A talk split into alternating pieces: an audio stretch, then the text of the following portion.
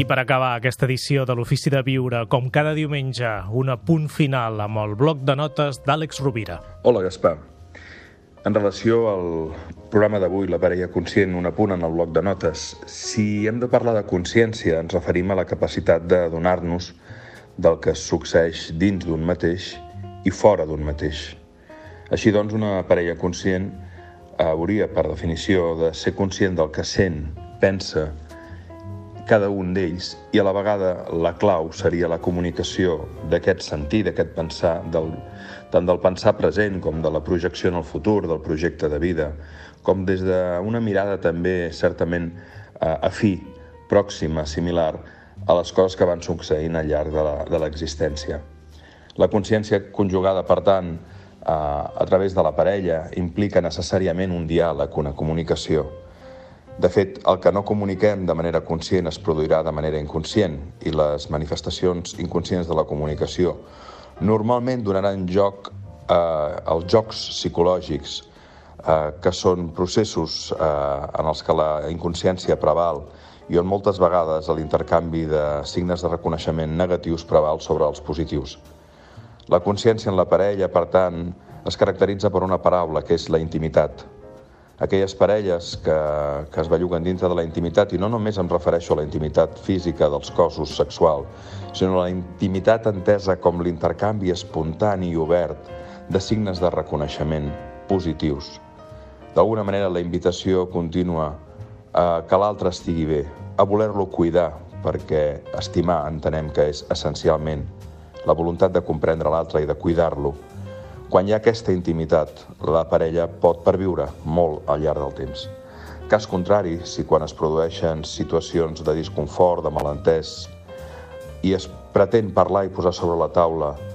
allò que valdria la pena mirar, qüestionar per poder avançar i construir, si quan es produeix aquesta voluntat de qüestionar i de mirar des de la intimitat respectuosa, i de vegades també des del dolor, però una de les parts es nega, mira cap a una altra banda, no admet el fet de poder parlar de les coses o fins i tot fuig d'estudi quan l'altra part li proposa, per exemple, la figura d'un mediador, quan els punts de, de no trobada o de mirada divergent no, no eh, prevalen i no hi ha coincidència en els horitzons ni en les lectures presents, aleshores és molt difícil la prevalència a llarg termini de la parella. Una parella conscient és una parella que es cuida, que té la voluntat de comprendre's, que genera grans espais d'intimitat i que redueix al màxim els jocs psicològics, que són aquestes situacions conflictives en les que finalment tots dos perden o un aparentment guanya però l'altre perd. Una parella conscient és aquella en la que tots dos guanyen. Una abraçada a tots.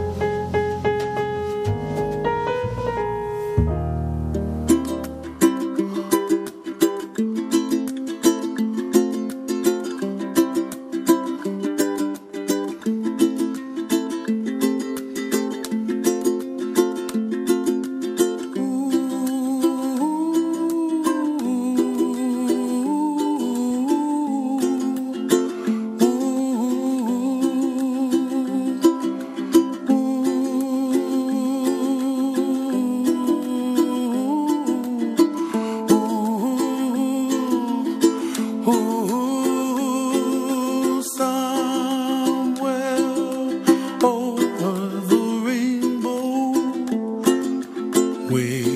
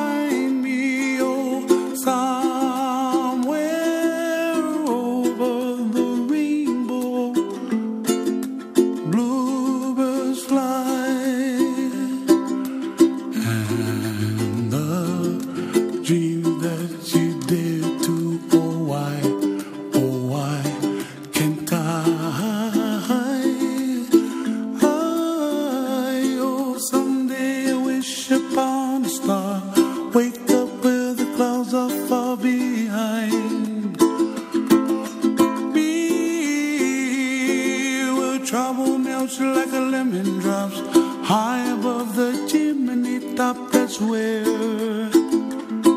you find me, oh, somewhere over the rainbow,